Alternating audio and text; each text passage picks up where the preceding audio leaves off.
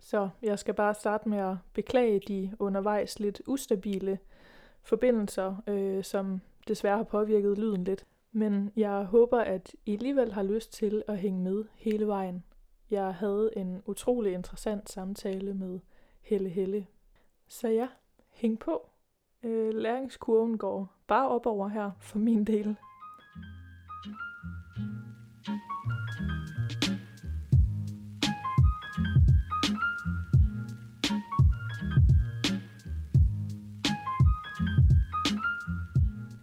Jeg har været så heldig at få til øh, et digitalt møde med den danske forfatter Helle Helle. Jeg plejer jo normalt at rejse på fysisk besøg hos, øh, hos dem, jeg vælger ud. Men øh, ja, corona og landegrænser og så videre, så den her gang har jeg så forsøgt mig på et digitalt møde. Og øh, det er jeg meget spændt på at se, hvordan det kommer til at fungere. Men allerførst så vil jeg sige tusind tak til dig, Helle Helle, fordi du havde lyst til at snakke med mig. Øhm, tak. Jeg må tale med dig. Min øh, mit kendskab til, til dig eller til dit forfatterskab går jo utrolig langt tilbage, øh, men, men før vi går ind i det, så tænkte jeg, om du måske ville introducere dig selv lidt. Øh, altså jeg tænker for alle danske, øh, dans, eller alle danskere, som har gået i folkeskole øh, mellem 2000 og fremover, ved jo højst sandsynligt godt, hvem du er. Men, øh, men i og med, at jeg har mange norske lyttere, så kunne det måske være en fordel, hvis du øh, fortæller lidt om dig selv, før vi går i gang. Det skal jeg prøve på. Jeg øh, er født i 1965. Jeg er 55 år. Jeg blev født på Lolland, og det nævner jeg hurtigt, fordi det er noget, der har haft betydning for øh, flere af mine romaner især. De udspiller sig ofte omkring Rødby eller i den øh, provinsen på Sydsjælland. Og øh, så debuterede jeg som forfatter efter at have gået på forfatterskole i København fra 89 til 91. Debuterede jeg i 93 med en lille samling kortprosa. Og øh, tre år senere udgav jeg en novellesamling, der hed Rester. Og det var faktisk i 1996, og det var den, så det var endnu tidligere end 2000, at, at øh, at mine noveller blev brugt, begyndte at blive brugt så meget i skolerne. Fordi det var nemlig en novelle fra den novellesamling, min anden bog, der blev brugt til studentereksamen i de danske gymnasier. Øhm, og det kom i mange år til at betyde rigtig meget for mig. Mest godt, fordi øh, det gav mig en økonomi ved det, at jeg holdt rigtig mange foredrag på gymnasier og skoler og fortalte om mine noveller. Hvad de betød og ikke betød osv. Men jeg har kun udgivet to novellesamlinger, så begyndte jeg at skrive romaner. Øhm, min første roman, som hed Hus og Hjem og kom i 99, var også min debut i Norge. Øh, jeg har haft et norsk forlag siden 2001 eller 2002, nemlig Oktober forlag, som siden dengang har udgivet alle mine bøger. Og som jeg føler mig meget forbundet med i det hele taget. Mine bøger bliver oversat til norsk af Trude Marstein.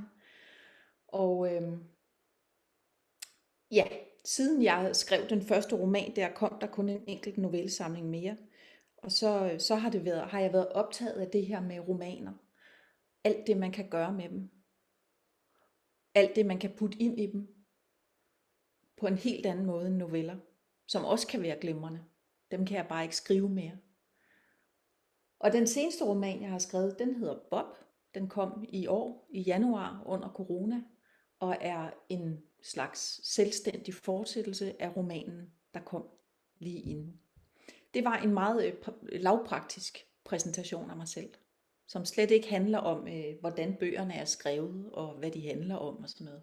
Men det kan vi måske tale om. Ja, jeg synes, det var en rigtig fin uh, introduktion. Uh, det tager egentlig udgangspunkt i rigtig mange af de ting, jeg havde tænkt, uh, at jeg ville snakke med dig om. Uh, for det første, det her, du sagde med, at dine noveller er blevet brugt i folkeskolen. Uh, fordi jeg skal være ærlig og indrømme, at jeg tror faktisk, at det, at jeg blev introduceret til dine noveller i folkeskolen, det ødelagde faktisk lidt mit forhold til dit forfatterskab. Øhm, jeg har egentlig gennem hele min skolegang haft lidt af et sådan had-kærlighedsforhold til dit forfatterskab. Øhm, netop fordi, at i folkeskolen i Danmark, så er det meget alment, at ja, som sagt, dine noveller er på pensum, og at man bruger dem til at lære noget om undertekster. Om alt det, som ikke står. Øhm, og selvfølgelig så handler det nok om, om læsertemperament, men, men jeg tror, jeg blev utrolig frustreret over det her med som læser at skulle sidde og opdage alt selv. Øh, eller sådan, jeg, jeg tror bare, jeg tænkte, altså, hvad skal jeg bruge det til? Øh, og øh, altså, det, det tog rigtig lang tid for mig, og jeg ved heller ikke, om det sådan er gået helt op for mig endnu, hvad det er, at at dit forfatterskab kan, altså det her med, fordi det adskiller sig så meget fra, fra alle andre forfatterskaber, jeg har læst. Øh, og der er et eller andet utroligt fængslende ved det. Øh, men, men det tænker jeg, det kan vi prøve at komme ind på lidt senere. Øh, fordi først så tænker jeg jo på, hvad hvad synes du selv om det her med, at dine noveller bliver brugt på den måde i, øh, i folkeskolen? Nu sagde du selvfølgelig det her med, at det har også været en, en økonomisk fordel for dig at komme ud og holde en masse foredrag osv. Men, men kunne man tænke, at det også øh, at der er chance for, at det ødelægger litteraturen lidt, at, at så meget, altså skoleelever bliver påtvunget forfatterskabet på den her måde? Jeg har det sådan, at det er jo en livsomstændighed for mig, som jeg ikke rigtig kan gøre noget ved. Så derfor lever jeg med det, uden at tænke ret meget over det. Og så tror jeg, der er den fordel, at jeg hører oftest om alle de positive oplevelser. Der er ikke så mange, der siger som dig.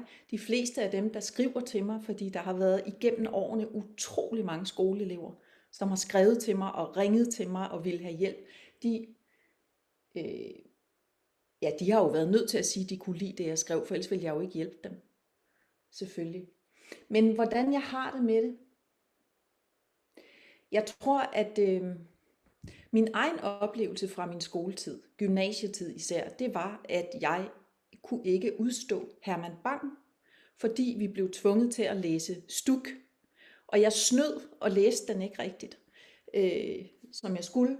Og øh, og, og efterfølgende er man Bang blevet et jo af mine, altså måske min yndlingsforfatter næsten på top 3 af alle. Ikke? Men jeg kan godt forstå, at det er det, der sker. Det, det, det afhænger jo rigtig meget af, hvad det er for en lærer, der underviser, og hvordan det gøres. Alt det her med undertekst. Oh. Jeg tror, at det, nej, men jeg vil sige, der, jeg vil ikke have undværet det. Jeg vil ikke have undværet det, hvis jeg skulle vælge, at mine noveller blev brugt i skolen, fordi det har også givet mig et sted at tale fra. For eksempel, ah, at, at jeg altid har haft brug for at holde fast i, at jeg ikke selv tænker på undertekst.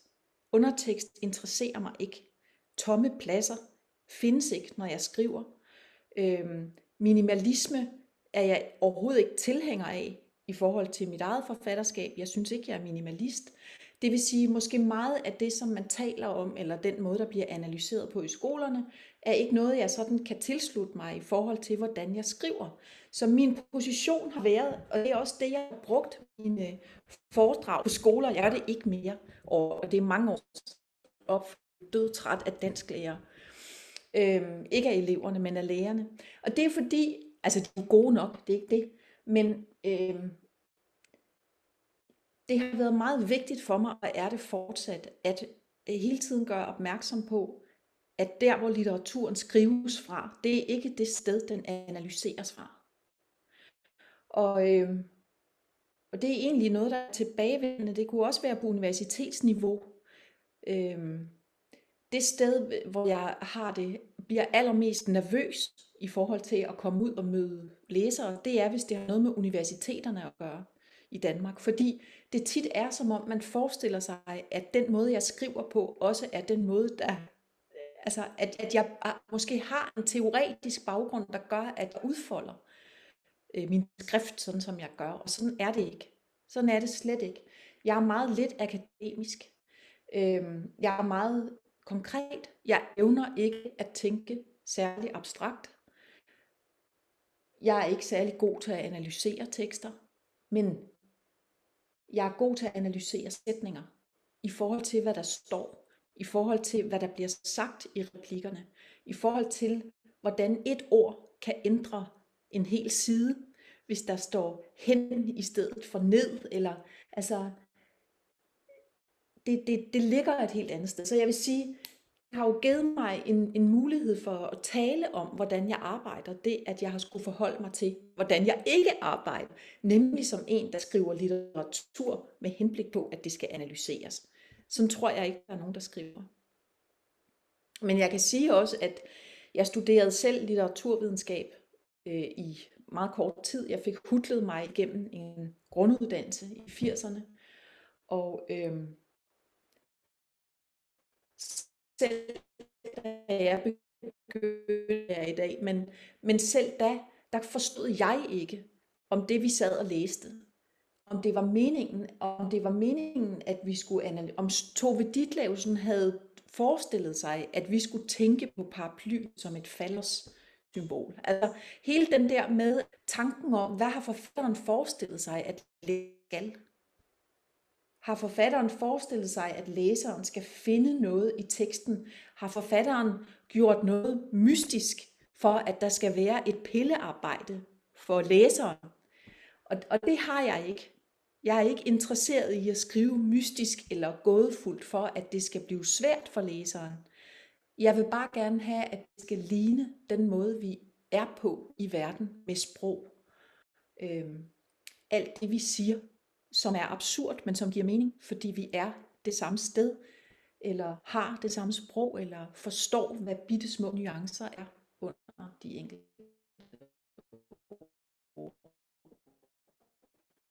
Jeg vil ikke have undværet det, men øh, det vil jeg selvfølgelig ikke. Fordi det har, det, det har givet mig den mulighed, at jeg kan øh, at jeg har kunnet... Jeg vil så sige en ting også, det er, det er udmærket. Man skal jo lære skoleelever, at en tekst ikke bare er det, der står. Det gjorde min dansklærer også. Og min dansklærer var skidegod. Vi kunne komme til at tale om noget helt andet end selve teksten. Den gav ligesom nogle nøgler til at tale om livet. Men vi talte også om, at det, der står, er ikke nødvendigvis det, der står. Og det er jo vigtigt at lære. Fordi det er jo også det, litteratur er.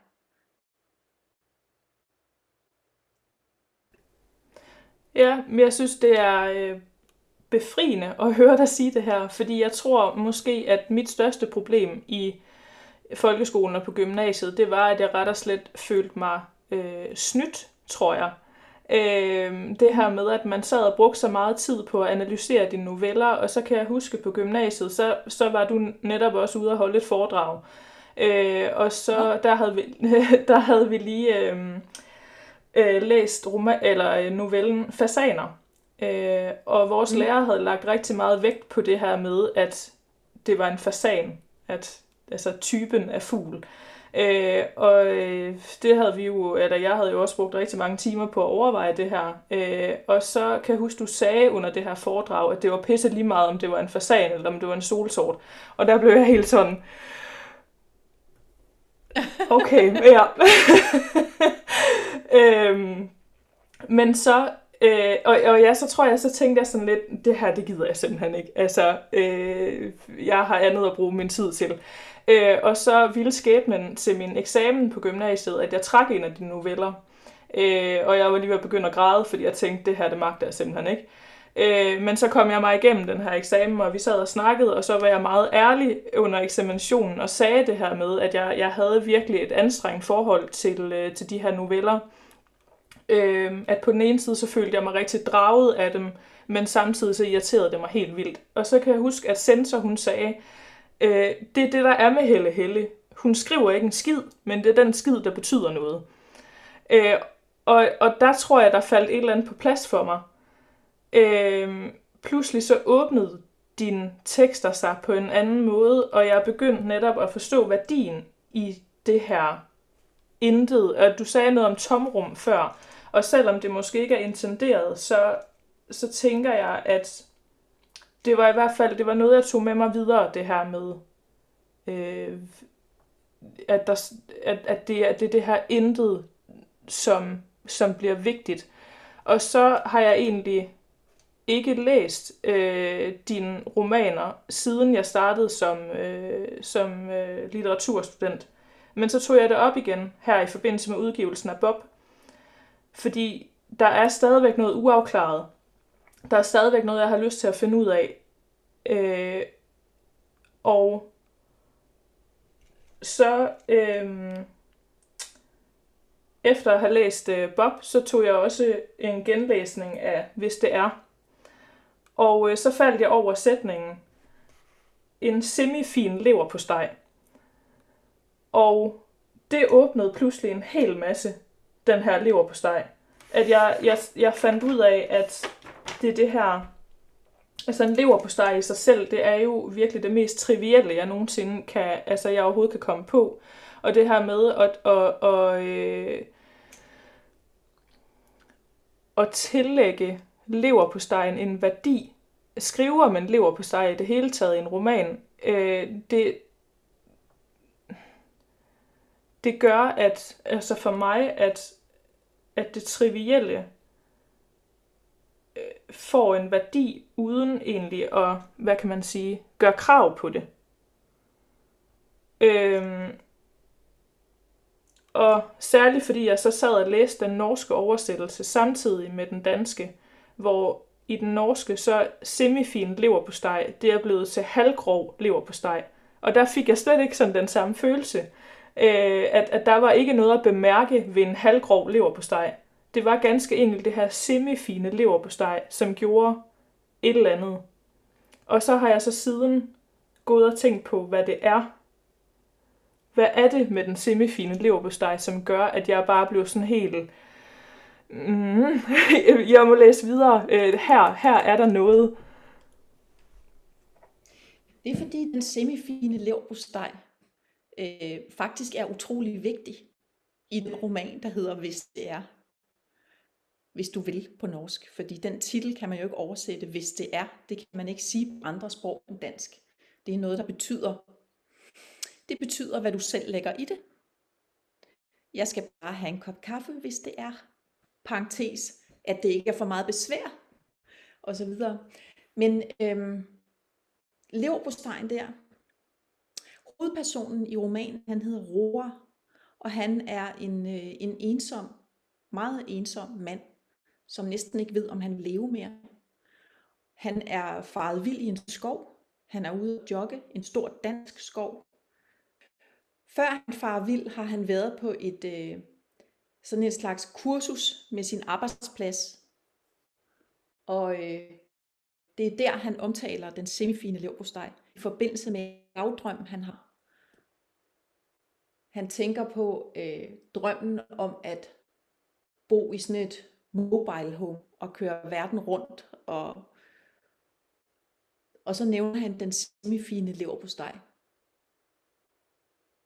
det er selvfølgelig sådan en dåselever på steg, som man kan få i Danmark og tage med på campingtur.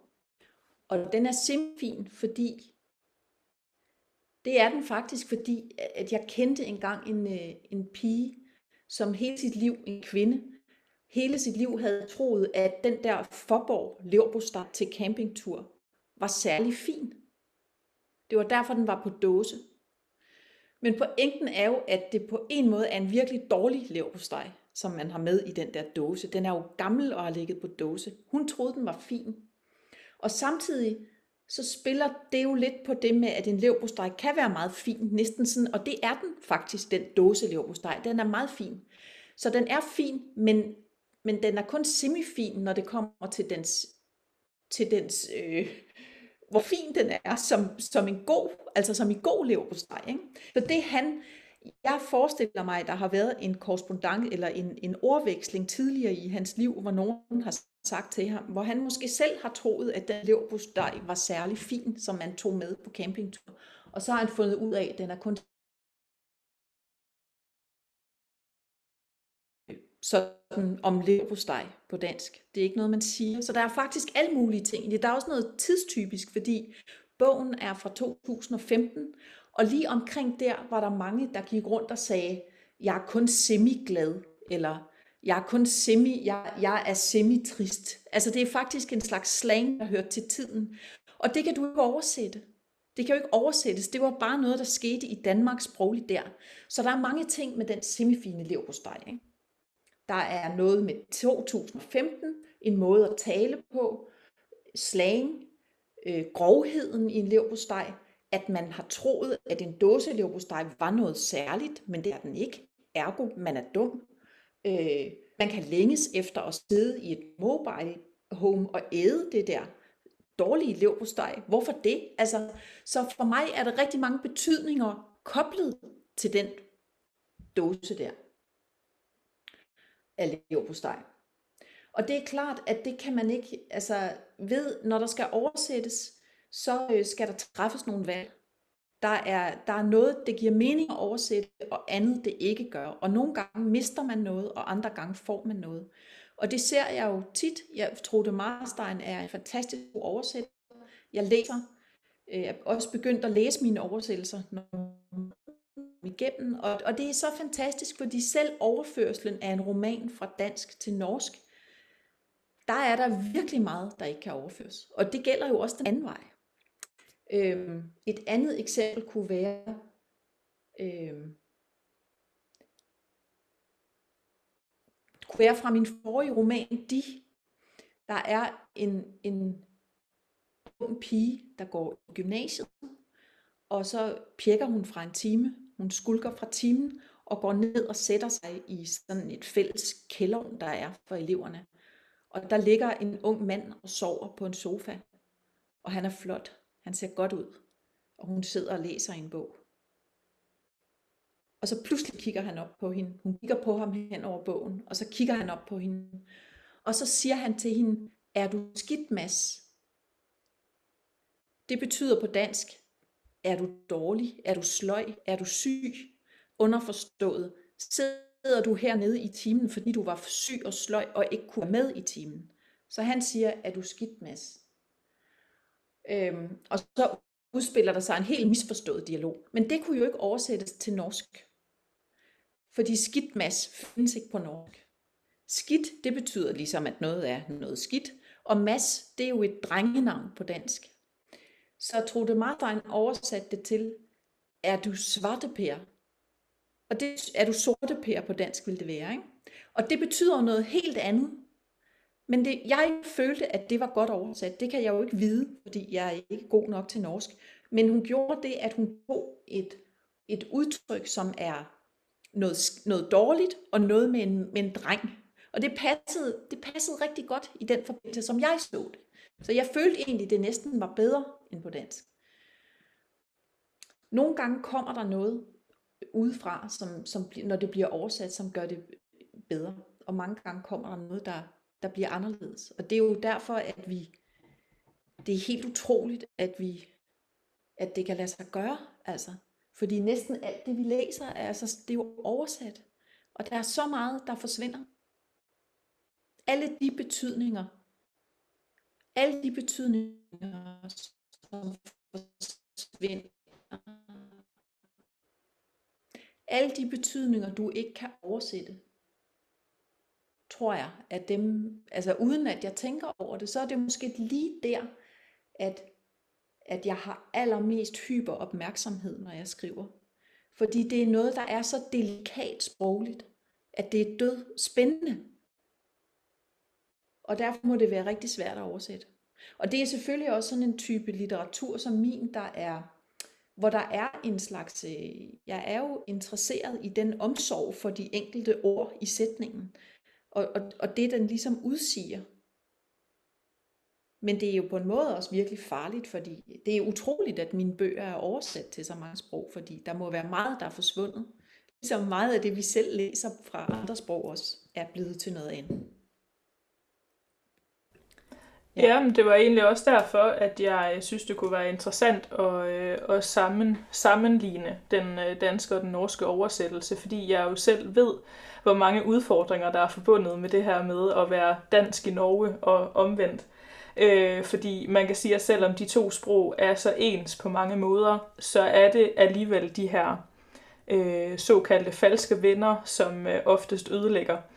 Øh, og ja, netop det der med, om der så er noget, der går tabt, eller om det faktisk bliver bedre i en oversættelse, eller i hvert fald sætter nogle helt andre tanker i gang og giver nogle andre billeder, øh, synes jeg jo er, er rigtig interessant. Og der faldt jeg for eksempel over øh, et eksempel i øh, Hvis det er, øh, hvor der er en sætning, øh, som på dansk hedder, hun sad og kastede med et tykt skinnende hår. Og øh, der, øh, der tænkte jeg, da jeg læste den, man kender, man, man kender jo godt det her udtryk, altså kaste med sit hår. Men så tænkte jeg jo netop, at det, at der så står et tykt skinnende hår, i stedet for sit tykt skinnende hår, så bliver sætningen, eller så bliver det også et helt andet billede lige pludselig. Så tænkte jeg, at den vil noget andet, den her sætning, end hvis der havde stået sit og så i den norske oversættelse, så står der kastet på det tykke hår. Og, og så bliver den sådan mere vanlig igen, den her sætning. Øhm, og jeg synes egentlig, det illustrerer rigtig godt det, du lige har sagt med, hvordan oversættelser kan fungere, eller ikke fungere. Og at, at uanset, så giver det mm. noget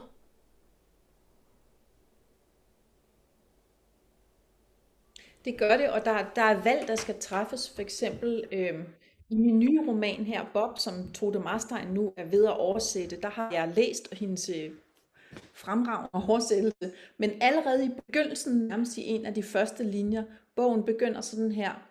Øhm, flytter Bob og jeg så til Vandløse. Vores hjem var der oven på tanken og fik stavparket. Og det der, og vi fik stavparket, Altså, de får juhu en bestemt type gulv i deres lejlighed, som de er glade for. Men at, at det der, at de fik, den, der var nogle problemer i den, den kan man ikke umiddelbart oversætte til norsk, fordi som jeg forstod det og husker det på Trote, der er, hvis nogen siger, vi fik, vi fik stavparket, så er det næsten som når børn siger, vi skal have frikadeller, eller der er sådan en, øh, der er sådan en, en man vil sige, vi har det stavparket, ikke? i stedet for. Øhm, så så man, kan, man kan ikke bare overføre, fordi vi fik stavparket. Det lyder ikke som børn, der taler på dansk. Det lyder faktisk bare som nogen, der siger, vi fik carport. Eller, altså, man er, det, der behøver ikke være inkluderet en glæde i det sådan set. Og den glæde følte Troede, der var hvis du fik. Så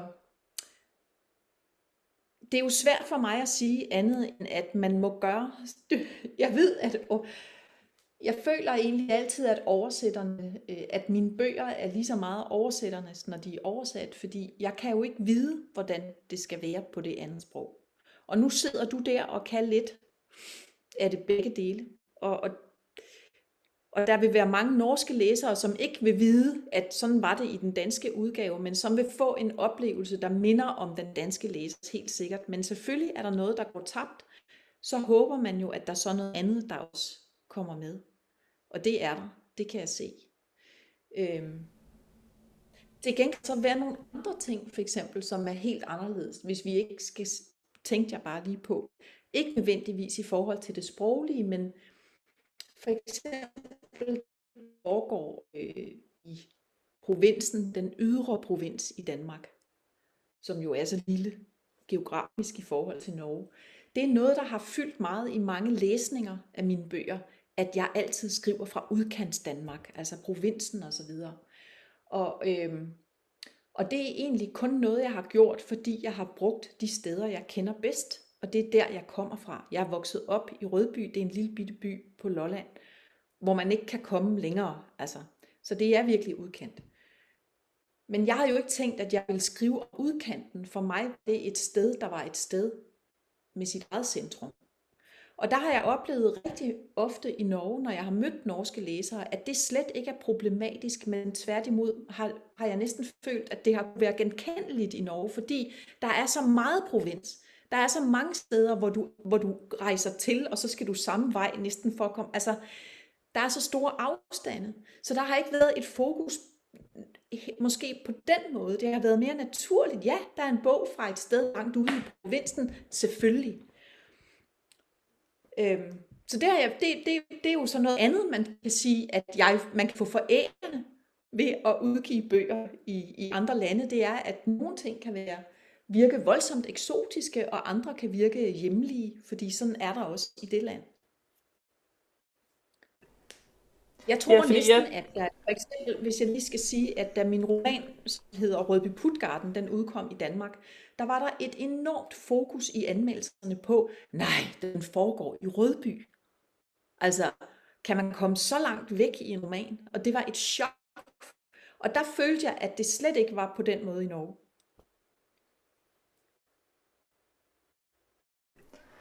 Ja, fordi jeg tænker, der er jo noget i det her med både stedet og i, øhm, i ordene i forhold til, til det genkendelige. Øh, for det, øh, det slog mig også det her med i, øh, i Bob. Øh, der henviser han til øh, det her med, hvordan man hilser på hinanden ude på landet. Mm-hmm. Øh, ja. De der to fingre der. Og jeg var sådan, mm, ja, sådan hilser vi også der, hvor jeg kommer fra. Og, og jeg blev sådan helt, det havde jeg aldrig nogensinde troet, jeg skulle læse om i en roman, de der to fingre. øhm, men, men, men det er det der med, hvordan noget så genkendeligt for få bliver genkendeligt for alle. Øhm, som, som jeg har tænkt, øh, eller igen det her med, øh, hvor, hvorfor det er, at, at dine fortællinger, de binder mig. Og det er, tror jeg, på grund af det genkendelige også i sproget og i dialogerne. Det der med, at lige pludselig så opstår der et eller andet i en dialog, hvor jeg tænker, ja, altså det er jo nøjagtigt sådan, som det er, men jeg havde aldrig nogensinde forestillet mig, at det var sådan, man skulle skrive det i en roman. Fordi jeg husker, da jeg selv øh, skrev roman og var igennem hele den her redigeringsproces med, øh, med redaktøren, så var der mange steder, hvor hun sagde, eller kommenterede, det her er ikke korrekt dansk, hvor jeg tænkte, nej, det er muligt, men det er sådan, man siger det. Øhm, og det er der fyldt af i dine romaner, sådan som man siger det, sådan som det er. Øh, og, og det, altså, det gik op for mig, da jeg selv skrev, hvor vanskeligt det faktisk er at få noget sådan som det er til at virke troværdigt. Eller som om det er naturligt, at det ikke bliver overlagt eller øh, ikke giver mening. Øh, så, så det, det lagde jeg mærke til for første gang nu her, hvor meget det egentlig fascinerer mig, det her med, hvordan det for dig virker så let at gøre det naturlige troværdigt. Ja. Nogle gange er det let, men det er en balancegang. Fordi jeg kan også af og til, når jeg sidder og skriver, så bliver jeg nødt til at droppe noget, eller lave om på noget, fordi jeg synes, det ligner, det ligner lidt for meget en replik fra en af mine egne bøger. Altså, den her, der kan være nogle bestemte måder at sige ting på, som er sådan, du ved sådan, en absurd samtale, hvor nogen siger, nå, skal du det? Ja da, nå da, gjorde de jo det. Altså sådan noget ingenting snak, og så tænker jeg, pas på med det. Men, men hvad kan jeg ellers sige om det? Jeg, jeg tænker, øh, jeg tænker meget på en åbenhed i skriveprocessen. Åbenheden er nok det vigtigste overhovedet. Forstået på den måde, at det næsten handler om at lytte personerne frem, og ikke ville forsere en historie nedover eller et sprog nedover. Og det er meget svært at beskrive, hvordan lader man være, fordi jeg forser jo i det øjeblik, jeg skriver. At skrive er at forsere. Men mit forsøg er hele tiden at gøre det som om jeg med en let hånd, at jeg ikke tvinger hånden til, nu skriver jeg ikke i hånden, men at jeg ikke tvinger sproget til at gå et bestemt sted hen, men, men lad det være. og egentlig lad personerne være. Sådan så det er også tit sådan, at jeg tænker, mine personer er deres sprog. Altså, det, vi er jo vores sprog. Og kropssprog og talesprog. Øh, fordi jeg skriver egentlig også ret meget om, hvordan de bevæger sig, personerne, tror jeg nok. Eller hvad de ser. Hvad er det, de ser? Øhm. Og så tænker jeg altid på ikke at dømme dem. Altså at, at, at prøve at gøre mig, mig at gøre mig selv til dem, den, og tage den position, de har, uden at have modstand imod den faktisk. Ja, det lyder lidt abstrakt, men, men jeg kan ikke forklare, hvordan det lykkes jo slet heller ikke altid for mig at skrive sådan. Men du har ret i, at altså jeg tror, at noget, der ser let ud, det kan nogle gange være rigtig svært. Og sådan skal det også være. Ligesådan med for eksempel, nu talte vi slet ikke om det, men jeg synes, at den semifine leverpostej er ret morsom. Og det, at noget er morsom, det er næsten det allersværeste at få det til at blive det, fordi man kan så nemt et ord for meget, og så er det ikke sjovt. Tre ord for meget, så er det heller ikke sjovt. Og det forkerte ord, så er det heller ikke. Altså det er så fin en balance for, hvornår, hvornår, hvornår man med størst mulig held kan ramme en, noget, der er absurd humoristisk, for eksempel. Ikke? Det er virkelig svært. Jamen absolut, det og det... Det kan mm. også være. Det er også svært, altså, det er jo svært at det er svært at fortælle en historie, det er svært at levere en historie, så den, så den bliver leveret på den mest optimale måde. Det tænker jeg tit over, for eksempel lige nu, når vi sidder og taler her, har jeg sikkert lavet fejl en masse gange, for det gør vi jo, når vi taler. Der kan vi ikke redigere. Der må vi redigere ligesom baglæns eller løbende. Men, men der finder jo en konstant ligesom, øh, bevidsthed sted i skriveprocessen, der også handler om at levere, at få det leveret, sådan så det giver størst mulig effekt faktisk. Uden at det virker beregnende. Fordi det er jo det, man kan mærke, når man læser noget, der er dårligt. Det er, når man kan mærke, at det, har prøver, det prøver for hårdt at være på en bestemt måde. Og det synes jeg, jeg synes heller ikke, man skal, der er ingen grund til at presse sin læser. Altså jeg vil gerne presse læseren med visse ting, men ikke med alle.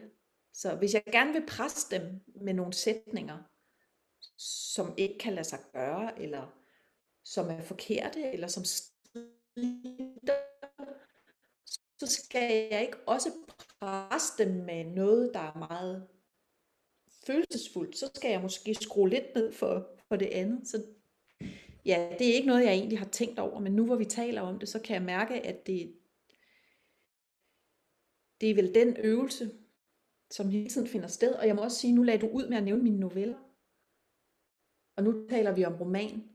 Og jeg har lige tilfældigvis genlæst hele mit forfatterskab ved et uheld, havde han sagt, fordi jeg skulle øh, læse korrektur på nogle gamle bøger, og jeg skulle indlæse noget som lydbog, så jeg har, jeg har været igennem det hele. Og det var noget af et chok. Øh, fordi jeg synes, der er enorm forskel på det, jeg skrev en gang, og det, jeg skriver i dag. Gudskelov. Men det er som om, at nogle gange føler jeg måske, at jeg bliver læst på samme måde i dag, som jeg gjorde engang. Men der er faktisk ikke altid overhovedet. Men jeg kan da se, at der heldigvis er, finder en udvikling sted. Og jeg kan også godt se, at altså, den stivhed, der måske var i mine noveller, især i mine første noveller, som du sad og læste i gymnasiet, jeg synes, det var ret godt gjort. Af, altså, jeg havde jo kun skrevet to bøger, så det var bestemt ikke dårligt. Men det var jo kun min anden bog. Og måske var det mere en forstand, at det blev sådan. Øhm, jeg vil aldrig kunne skrive med den stivhed i dag. Nu er, det noget, nu er det på en anden måde. Nu er det en anden stivhed. ja, fordi det var faktisk også noget, jeg bemærkede, eller en følelse, jeg sad med efter at have læst din seneste roman, Bob. Øh, der tænkte jeg, at den her er meget mere der er meget mere, hvad skal man sige, sproglig kreds øh, i den, end, der, end jeg har oplevet i, øh, i, i mange af dine andre noveller og romaner. Øh, det var ligesom en, det var en sproglig oplevelse på en anden måde, end, end hvad jeg har oplevet før. Og det er nok, som du siger, det der med, at stivheden kan til at have aftaget lidt med årene. Øh, men er det, er det noget, du, eller det svarede du måske også på lige før, men altså er det noget, du sådan bevidst tænker på, at, at du vil have noget mere øh, sådan sproglig leg ind i dine romaner, end hvad der måske har været behov for dig før? Jeg tænker alt muligt. Øhm, men jeg tror, at det er ikke det, jeg tænker, der ændrer det. Det, der ændrer min måde at skrive på, det er, at jo flere bøger jeg skriver, og jo ældre jeg bliver, des mere fri føler jeg mig. Des mere forstår jeg, hvor meget man kan, og des mere tør jeg. Øhm, jeg tror også, at, jeg, at, jeg, at det, vi kalder stivheden nu i mine noveller, og den var der jo faktisk mest i min første novellesamling, og det var også meningen, den skulle være der. Men, øh, men, men den var der også måske som en slags net, jeg havde spændt ud under mig selv, eller et håndtag, eller noget, der... For eksempel havde jeg en hård beslutning om, at alle novellerne skulle være som, øh, faktisk som, som havde man hængt et kamera i et rum, og kun filmet det, der skete i rummet, og kun hørt lyden. Der måtte ikke være noget andet, der måtte ikke være nogen, altså ingen, under, ingen tanker, ingen refleksioner, ingen følelser, kun filmiske, filmisk væren i et rum. Ikke? Og det var en slags spændetrøje, jeg havde taget på, og den havde jeg brug for, for at kunne skrive, og det, det førte mig og bragte mig også videre. Men i dag, synes, i dag er jeg ikke længere bange. I dag udfordrer jeg nogle andre ting, og det er for eksempel øh, fortællepositionerne. Øh, kunne man sige. Det er det i hvert fald i Bob, det var det også i den forrige, det bliver det også i den næste. Øh, jeg er meget optaget af at skrive nogle romaner, som kun kan findes, fordi de er romaner. Altså noget, der ikke vil kunne overføres til andre medier, fordi, og det er selvfølgelig måske noget fis at sige, eller noget pjat, men, men det er det, jeg tænker. Jeg tænker, kan jeg skrive på en måde, hvor det ikke, det vil man ikke kunne gøre, hvis ikke det var litteratur. For eksempel have en jeg-fortæller, som er skjult og kun optræder i bogens første linje, og derefter hele tiden, som i Bob, kun bevæger sig rundt med ham og ikke selv er til stede. Og kan man bruge den måde at fortælle på, sådan at det er det, der er det store drama i en bog. Hvordan den er skrevet, hvordan den er fortalt. Det synes jeg er spændende, og det synes jeg er, det, det, det, det er udfordrende, øh, og det skal det også være. Det gør, at jeg, det frigiver energi for mig i forhold til sproget, faktisk. Det frigiver min energi at jeg gør det her. Øhm, og jeg, jeg kan ikke rigtig sige det anderledes. Så når du spørger, at om det er noget, jeg er bevidst om, så vil jeg sige ja. Jeg er jo bevidst om hele tiden at prøve, når jeg går i gang med en roman, tænker jeg, hvordan kan jeg gøre nu, så det bliver noget andet? Hvordan kan jeg fortælle den nu, så den gør noget andet? For eksempel i Hvis det er, som du nævner, der vil jeg se, om jeg kunne, den hvis det er, er hovedpersonen, jeg fortælleren, nemlig roer der.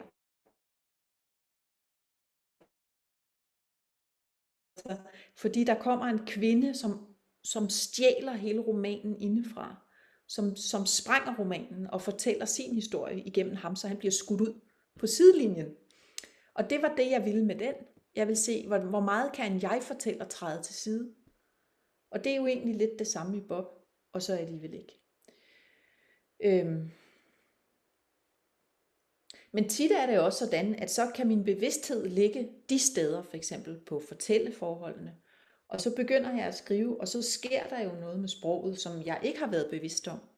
Og der, altså, der er det også påkrævet med en stor åbenhed eller villighed til at gå de veje, som jeg ikke havde set var veje i, i fortællingen. Det tror jeg, at alle forfattere gør eller prøver. Altså, man sidder og skriver, og så åbner der sig pludselig noget, som, som sprogligt lyder det rigtig godt, eller det gør et eller andet, sådan det, det krasser, eller det, det, det, det, det kaster en hel masse af sig. Og så går man den vej med det. Og det var ikke noget, der var bevidst fra begyndelsen, men det bliver det jo så. Det er meget mærkeligt at skrive. Det er meget umuligt at tale om. og gådefuldt og ubevidst og øh, mærkværdigt og det er også derfor, at jeg stadigvæk har det sådan, at jeg fyldes af forventning faktisk, altså over at skulle i gang med at skrive, fordi det er ikke den, det er også historien, det er også det indhold, kan man sige. Det er den person, jeg skal skrive om, men det er også, hvordan kan jeg fortælle det? Hvad sker der, hvis jeg fortæller det sådan? Ja. Mm. Ja, fordi jeg tænker, det er jo også en lige så stor gåde for, øh, for læseren indimellem. Fordi jeg stussede netop over i det her med, hvis det er, at egentlig så øh, er det Roas fortælling, jeg egentlig gerne ville have haft. Jeg vil gerne vide, hvorfor han er i den situation, han er i, hvorfor han er så nedstemt, hvad der sker med ham efterfølgende. Og så lige pludselig, så er det hendes fortælling, jeg får i stedet for. Øh, det der, som du siger, så pludselig så er det hende, der tager op al den plads. Og så har jeg jo lyst til at vide, hvor, hvorfor. Altså igen det der med at føle sig en lille sådan smule snydt, at jeg havde forventet, det var Roras historie, jeg skulle få, og så får jeg pludselig en helt anden. Mm. Ja, det er også irriterende. Men det er jo også et eksperiment. Det er også ja. et eksperiment, fordi da jeg skrev den roman, der tænkte jeg hele tiden, hvordan vil det her føles, når man læser det? Vil det være irriterende? Ja, det bliver lidt irriterende. Og jeg tænkte med Bob, hvordan vil det føles, at hun ikke siger noget om sig selv, hende der fortæller? Hvordan vil det virke? Vil det være irriterende? Nej, jeg synes ikke, det er irriterende i Bob. Da jeg læste den selv, der synes jeg, det var meget mærkeligt. Meget mærkeligt og uhyggeligt og, og, og kærligt og koldt og alting på en gang. Altså, det er jo også en slags... Øh, Altså mine bøger handler jo også om litteratur. De handler også om sprog og om at skrive, fordi det at skrive, det er jo at gøre det der. Det er jo at slippe. Det er jo at fortælle, hvordan noget er for den anden. Ikke? Og, og det, at I vist er, at kvinden hun overtager romanen indenfra, og du læser det og bliver måske irriteret over det. Det, som jeg ønskede med det, var, at jeg tænkte, hvor meget kan man sige om sig selv ved kun at tale om andre? Og det er faktisk det, der sker i den roman. Det er, at han, det er en roman om ham, Roar. Det er bare frygtelig svært for ham at tale om sig selv. Så han taler om hende. Men alt, hvad der er af fokus, det fokus, der lægges på hende, og der, hvor der lægges fokus, det er egentlig også en, en nøgle til, måske, hvem han er. Og hvem fortælleren om bagved det er, og bagved det, og bagved det er. Ja. Giver det mening? Ja, absolut. Og det er jo også det her med, hvad den enkelte læser lægger mærke til, eller vælger at lægge mærke til. Øh, og hvad man, hvad man tillægger en værdi. Fordi nu for eksempel med den her med Bob, øh, jeg tror faktisk ikke, at jeg registrerede engang, at der skulle være en, en anden fortæller, som skulle have plads Altså, det, der, der, øh, jeg blev ikke nysgerrig på den, der fortæller historien om Bob. Det, det fyldte utroligt lidt for mig. Øh, og det var egentlig kun fordi, at jeg så hørte øh, et interview øh, med dig øh, i, øh, hvad hedder det så, skønlitteratur på P1, øh, hvor I netop snakker om det her med fortælleren bag om Bob, øh, at, at jeg overhovedet tænkte, at, øh, at der fandtes en sådan. Øh, så, så det beviser jo også bare, øh, at det afhænger rigtig meget af, hvor læserens opmærksomhed er. Øh, men måske også, hvad man beslutter sig for forud, at man vil have ud af fortællingen. Øh, fordi så havde jeg jo også hørt det her med, at den havde et eller andet link til din tidligere roman, De, at det var sådan den samme øh, for, fortæller, øh, og noget med det her øh, blomkål, som, øh, som, bliver, øh, som det bliver øh, skrevet om i De, og som så gik igen et meget lille sted i Bob.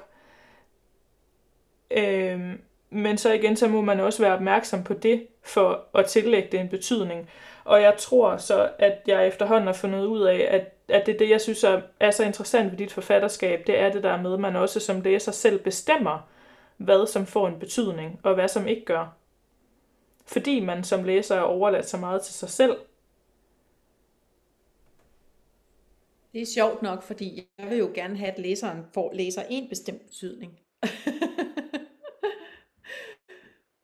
Ja. Jeg har ingen interesse i at lave sådan en åben litteratur, hvor alle kan sidde og føle hver deres. Nej, men og det, det er jo også, altså det ved jeg også nu, hvor jeg selv har prøvet at skrive en roman, at man vil jo rigtig gerne bestemme, hvad læseren skal have ud af romanen.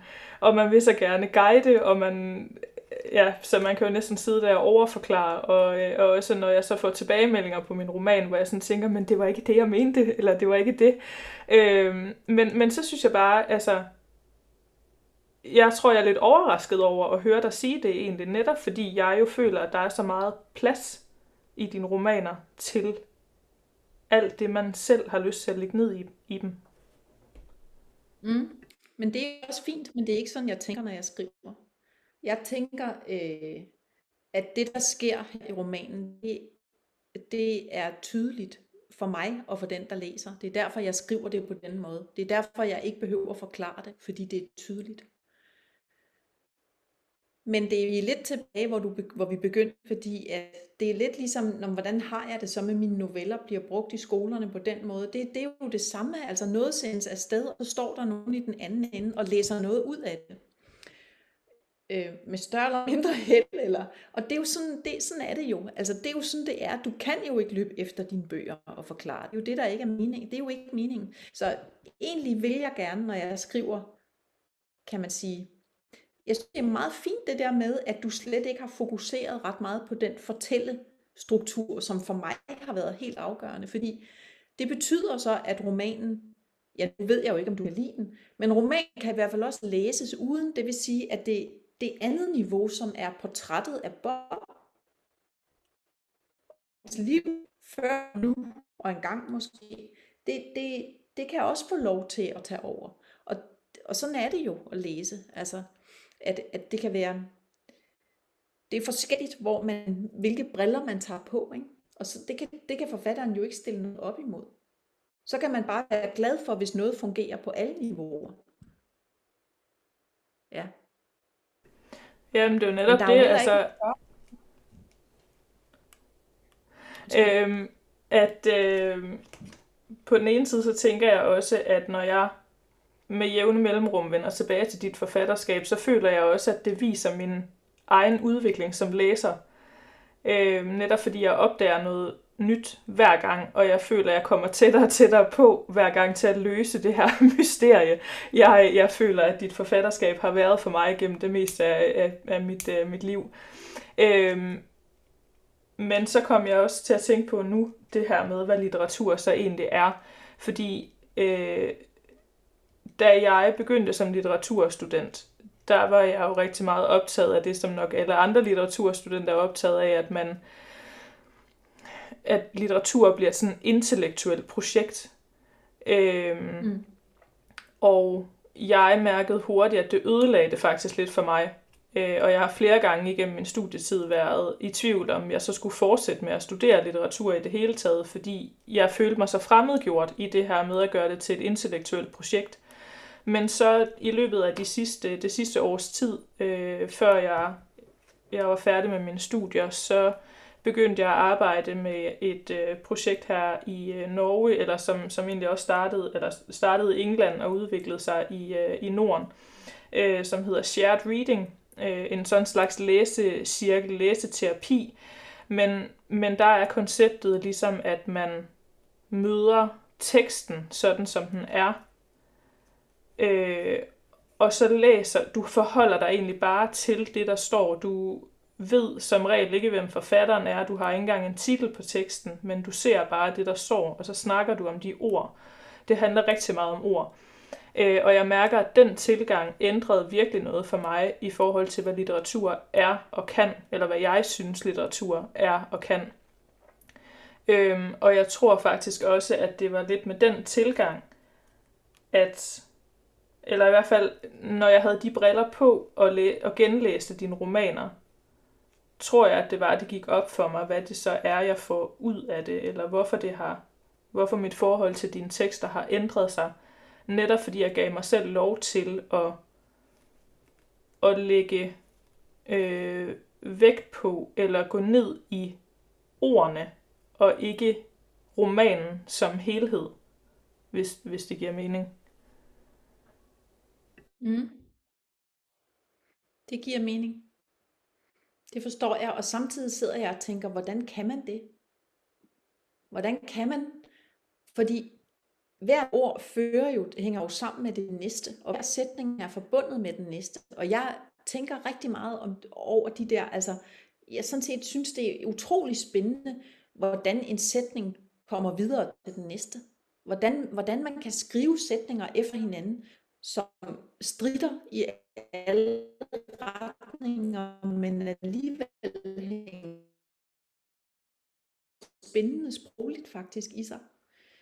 Øhm, så jeg tror, jeg vil have rigtig svært ved at læse på den der måde. Og samtidig så, så forstår jeg godt, hvad du siger. Øh, fordi det er egentlig lidt sådan, jeg selv læser, ofte læser, jeg ofte læser lyrik. Altså der er noget, der er noget, der er noget omkring lyrik, der, der, som kan være sådan, at man næsten kan læse det med sin krop, i stedet for med sit hoved. Altså at man, det er jo klichéen om det, men altså at man, at man ikke altså for enhver pris skal sidde og forstå, men at man godt kan tillade, at man læser noget, og så mærker undervejs, hvordan det er. Måske. Jamen, helt sikkert for eksempel her i Bob vil jeg sige, de, der er nogle afsnit, som er sådan meget lyriske, eller sådan noget prosalyrisk noget, hvad man skal kalde det.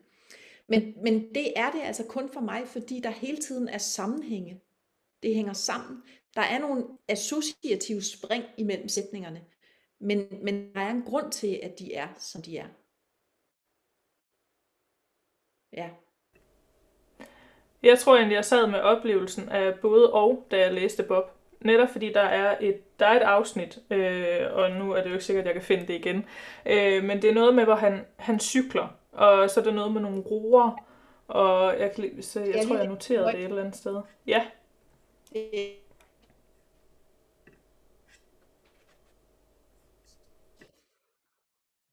Jeg læser det lige, ikke? Øh, det er bare lige de sidste linjer på side øh, 20. 1920. Og på cyklen hjem efter arbejde, det at have fri, susende forbi langs vej og kanalen, ved glind grøn, brystbenet borte med blæsten over gæringe, kunne man udvikle sig til en klippe, skudt op af sorten muld som en bleg roe, sit eget lille isbjerg. Han ville være roen selv, sådan tænkte han det på cyklen, sådan cyklede han. Det her afsnit om Bob på cyklen, det er sådan et, der heller ikke kan oversættes rigtigt. Jo faktisk, fordi det, det spiller på her til sidst, det er jo, at han vil være roen selv. Og roen, det er jo både den danske, den lollandske sukkerroe, men det er også roen, som i ro, fred og ro, den klippe, som han længes efter at udvikle sig til. Og når jeg læser det højt, er det rigtig svært, fordi øh, jeg kan kun få begge betydninger med, hvis jeg læser det på lollandsk, hvor man vil sige, at han ville være roen selv, og det kan egentlig godt betyde både roen og roen. For det hedder nogenlunde det samme. Men det kan jo ikke oversættes til nogen sprog. Og det her stykke tekst, hvad er det så? Det er en strøm, en bevidsthedsstrøm, han har. Altså både, det er jo hende, der fortæller om Bob her. Hun skriver her om, hvordan Bob cyklede. Hvordan kan hun det? Men det kan hun altså. Så det her, det er måske, hvordan hun oplever, at Bob oplevede det.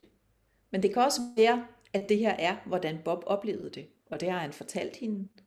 Eller måske er det, som han oplevede det. Han oplever et, øh, et, for første gang følelsen af frihed, fordi han har været på arbejde og cykler hjem. Og de her sætninger, dem vil man jo godt kunne læse, ligesom du siger, Måske ord for ord, men altså sådan nogle ord af gangen, og uden at gå ind i, hvad betyder det. Fordi det lyder jo også meget flot, det her egentlig. Men for mig er det også, der gør, at der er noget tyngde i det stykke, jeg læste op her. Det er faktisk, at der er mega meget betydning i det hele. Der, det strider i alle retninger. For eksempel, viden glinsende grøn. en hvedemark, den er som regel karakteriseret ved at være mere gul, altså, men hvis du vokser op på landet, ved du, at veden jo kan glinse helt grønt, der hvor den ikke er moden endnu. Så her har vi at gøre med en dreng, der kommer fra en gård, for eksempel. Ikke? Så har han et sug under brystbenet. Det er optrædet flere gange i bogen. Det er ligesom hver gang, han er længselsfuld, og han kæmper med, at der ikke findes andre ord for det sug. Det er selvfølgelig hende, der kæmper, for det er det hende, der fortæller. Det er også mig, der kæmper, for jeg kæmper med ordet for suget under brystbenet. Det kan næsten ikke skrives som andet end et sug. Og det sug, det er borte med blæsten over. Sjovt, fordi borte med blæsten øh, havde, havde Trude Marstein, det kan jeg godt fortælle her, vi havde en drøftelse omkring det, og Trude foreslog at oversætte det med væk med vinden. Så, så skrev jeg til hende forresten tog det borte med blæsten, det er titlen på Gone with the Wind, altså den gamle amerikanske film, det er den, der refereres til. Åh, det er jo, den hedder på norsk Tot med vinden, tror jeg. Så det er den borte med blæsten over Gæringe. Det er for mig meget morsomt, fordi det er USA og en forstad til Rødby på Lolland i et med fem ord. Kunne man udvikle sig til en klippe? Ja, det er jo, det, det kan man jo ikke, for en, man kan jo ikke, en klippe, det er jo noget, der findes i naturen, det er en sten, og i øvrigt udvikler den sig jo ikke. En klippe er vel for fanden en klippe, men han vil gerne skyde op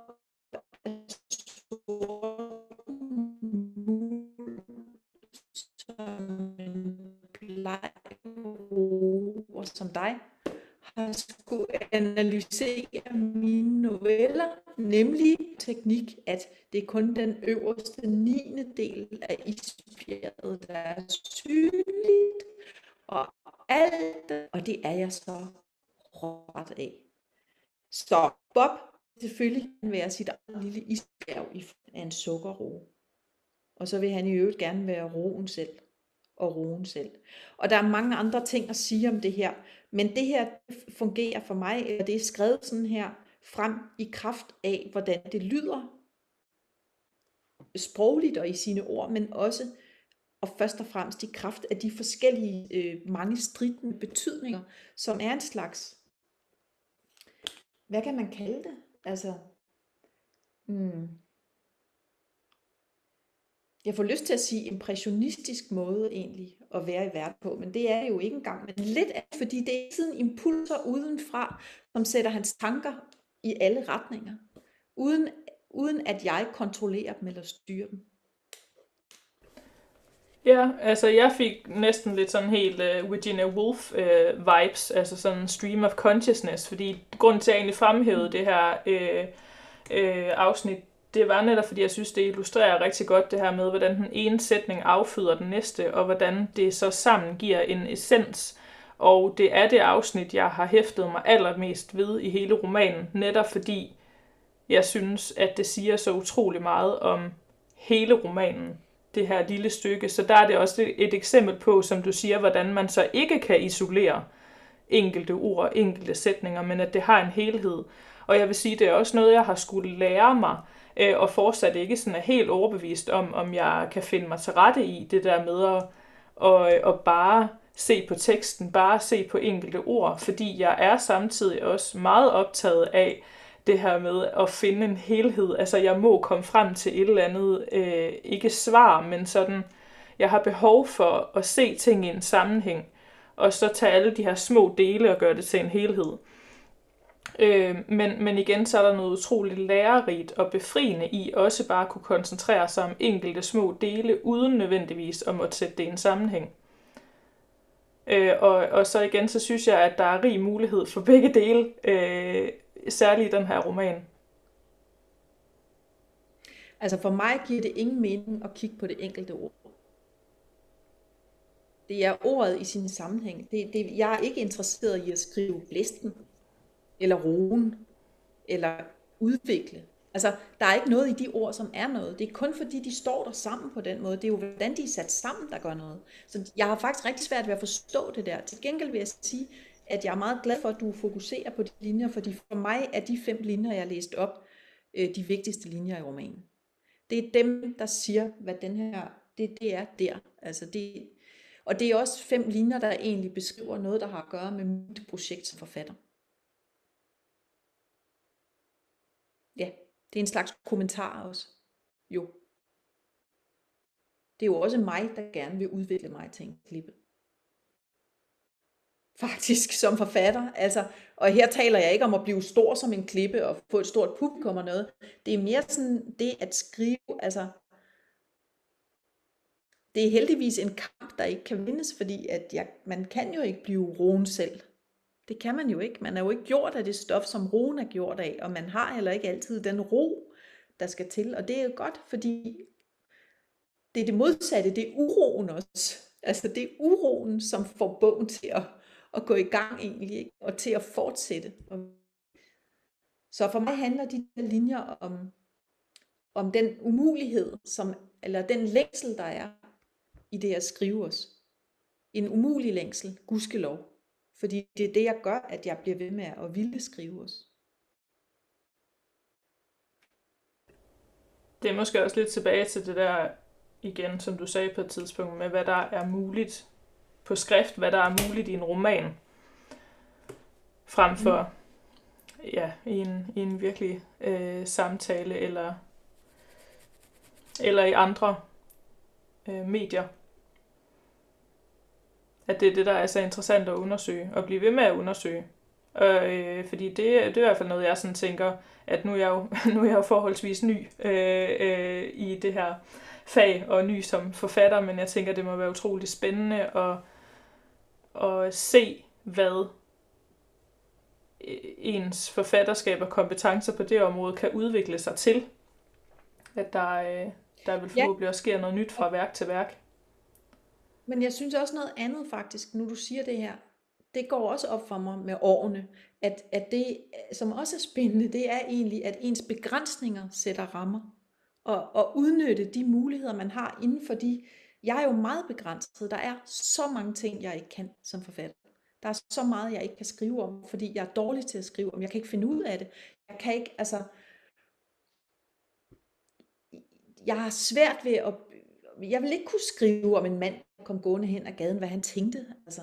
Men jeg kan skrive jeg kan skrive om Bob, han kan være i verden på den måde, hvor det har noget at gøre med det, jeg sagde først, og det, er ikke, det passer faktisk, at jeg, ikke, jeg tænker enormt konkret, men samtidig, jeg er ikke særlig god til at analysere med sprog faktisk, men jeg er til at iagtage, og det at se er jo også en måde at forstå og vide på.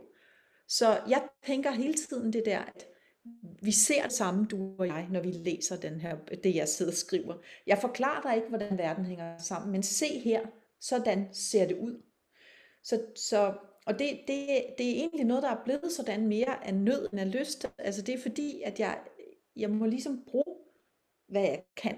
Og så håbe, at jeg kan blive ved med at flytte hele, hele angsten for at, eller hvad kan man sige, øh, jeg, jeg synes jo, det jeg skriver om, det, han, det er jo sådan nogle eksistentielle bøger, der handler om, hvordan er vi i verden?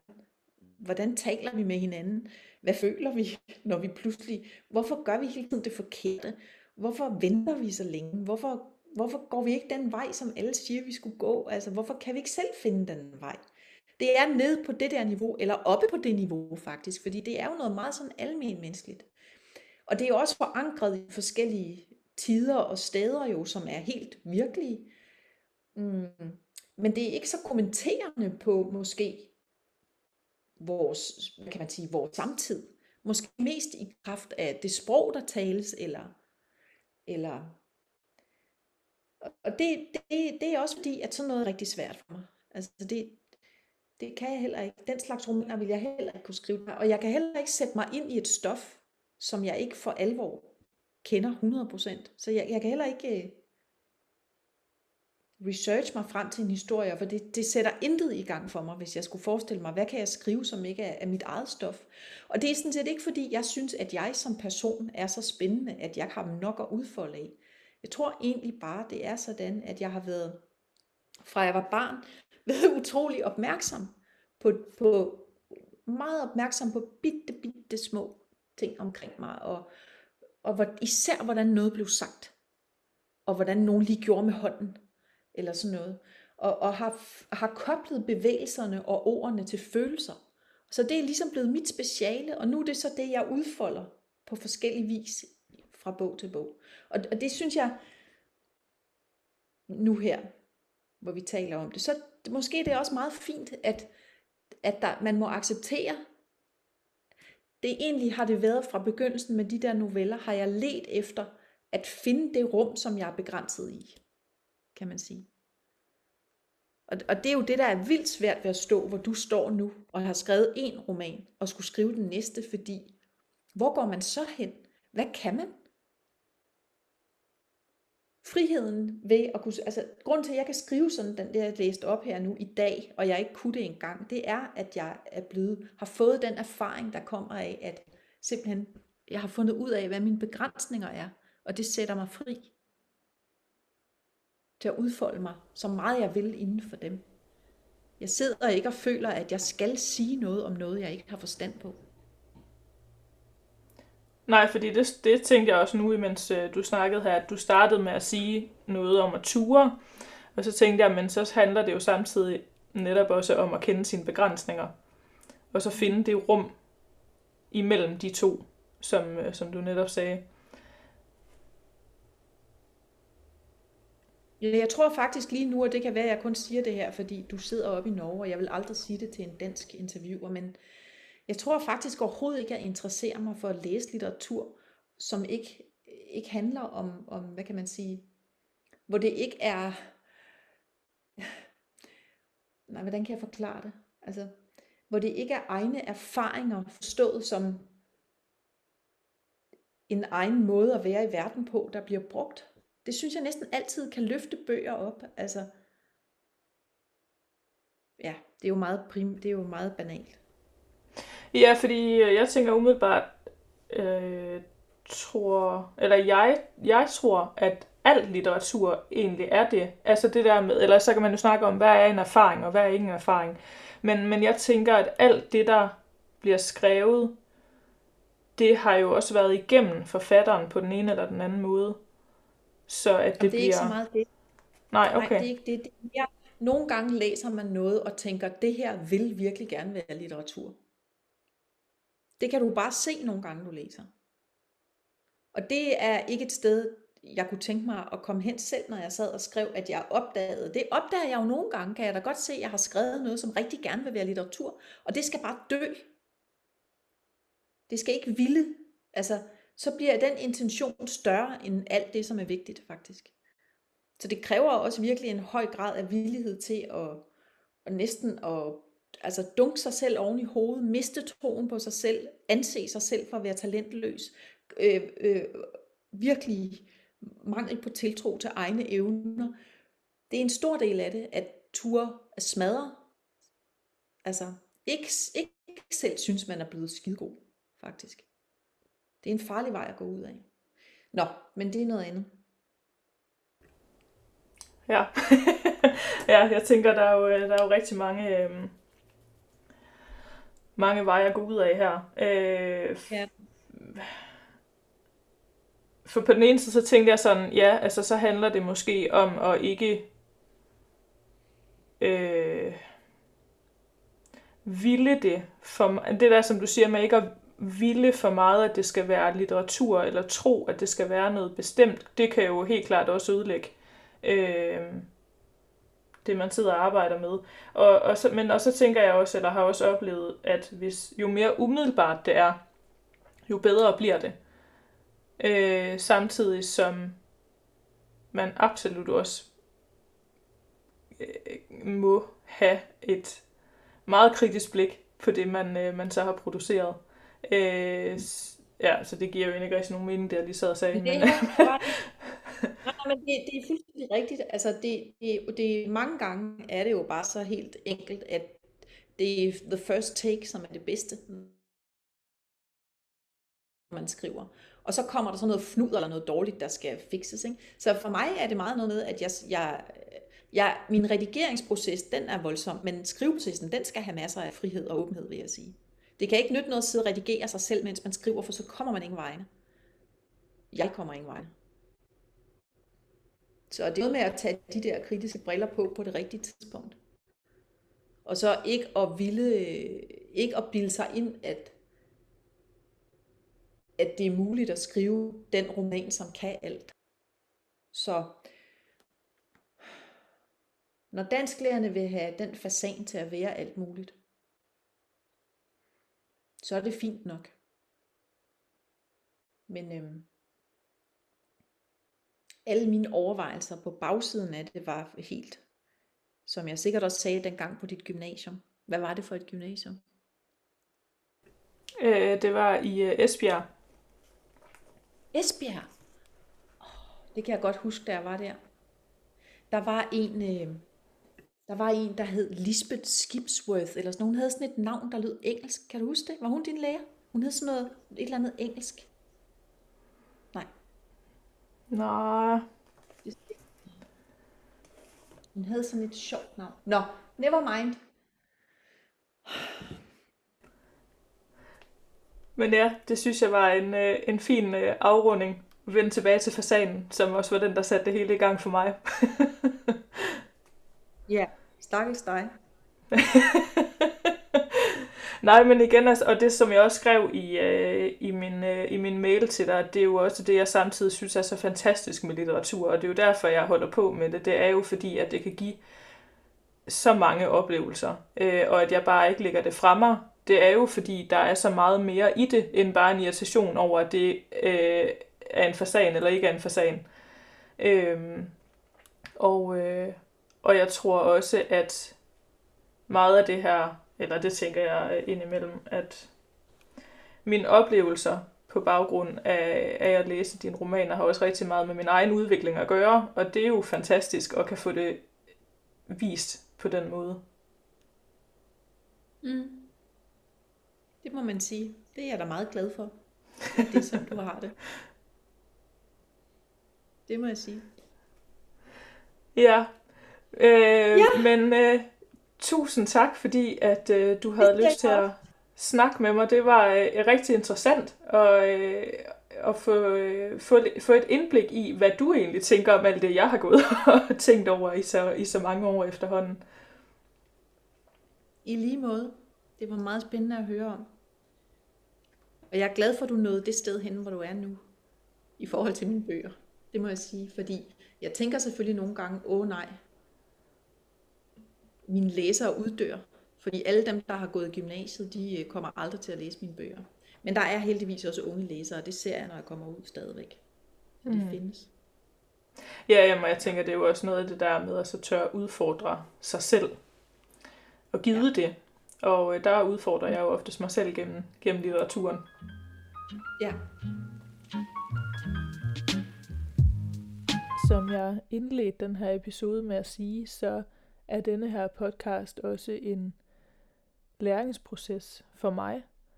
Og hele mit formål med den her podcast har været at sætte fokus på det her møde mellem mennesker og hvad man kan, hvilket udbytte man kan få gennem en spontan samtale, hvad som opstår, når to, som aldrig har mødt hinanden, øh, så starter en samtale.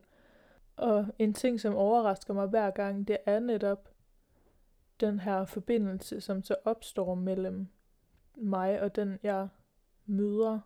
Hvor, altså, hvor forskelligt det er fra gang til gang. Og noget, som så adskiller sig markant, og som man, jeg ved ikke, måske også hører i den her episode, er netop, hvor stor en betydning det digitale så også har for, for selvom jeg har haft en rigtig fin og interessant samtale med Helle Helle nu, øh, og som jeg er rigtig glad for, at jeg har haft muligheden for at, at have, så mærker jeg også, at der er nogle andre udfordringer forbundet med det at, at mødes, eller ja, at mødes, det lyder så dumt, men altså at have en samtale digitalt, netop fordi man jo ikke mødes fysisk. I tillæg til det, så var der en masse forsinkelser på linjen, der var en masse forstyrrelser i lyden. Og det er jo alle sådan nogle ting, som automatisk vil udfordre en kommunikationssituation. Og øh, da jeg sad og lyttede podcasten igennem, tænkte jeg også, at det var meget mærkbart, øh, eller i hvert fald for mig. Øh, det kan jo være, at I som sidder og lytter øh, overhovedet ikke bemærket, øh, bemærkede det, men, øh, men uanset så er det jo en interessant erfaring at gøre sig, hvor stor forskel der kan være på at have de her spontane samtaler i det virkelige liv, øh, eller at så gøre det over, over computeren. Og øh, det er jo så nogle ting, jeg kan tage med mig til, til overvejelse fremover, for jeg har jo et ønske om, at den her podcast skal indeholde samtaler ikke bare med norske forfattere, men forfattere fra hele Norden, eftersom det jo er det, jeg primært har beskæftiget mig med, altså nordisk litteratur, og har jo lyst til, at det her projekt skal udvikle sig. Øhm, så ja, øh, nu har jeg altså prøvet det, det digitale, og øh, så får vi se fremover, om øh, det er noget, jeg har lyst til, og, øh, og satse mere på, og, og om læringskurven skal gå op over på det punkt også, eller, eller om jeg skal holde mig til de fysiske samtaler. Men uanset så er jeg jo rigtig glad for, at der er så mange, der har lyst til at lytte med, og ikke mindst, at der er så mange, der har sagt ja til at deltage, for det er også noget, som har overrasket mig meget, den her store interesse, der har været fra de adspurgte side. Øhm, jeg får jo som regel tilbagemelding med en gang, jeg spørger, så, øh, så det, er jo, det er jo rigtig dejligt og lidt af en, øh, en bekræftelse at få. Så, øh, så ja, igen, tak fordi du følger med, og så er det jo bare at se, hvad fremtiden bringer. thank you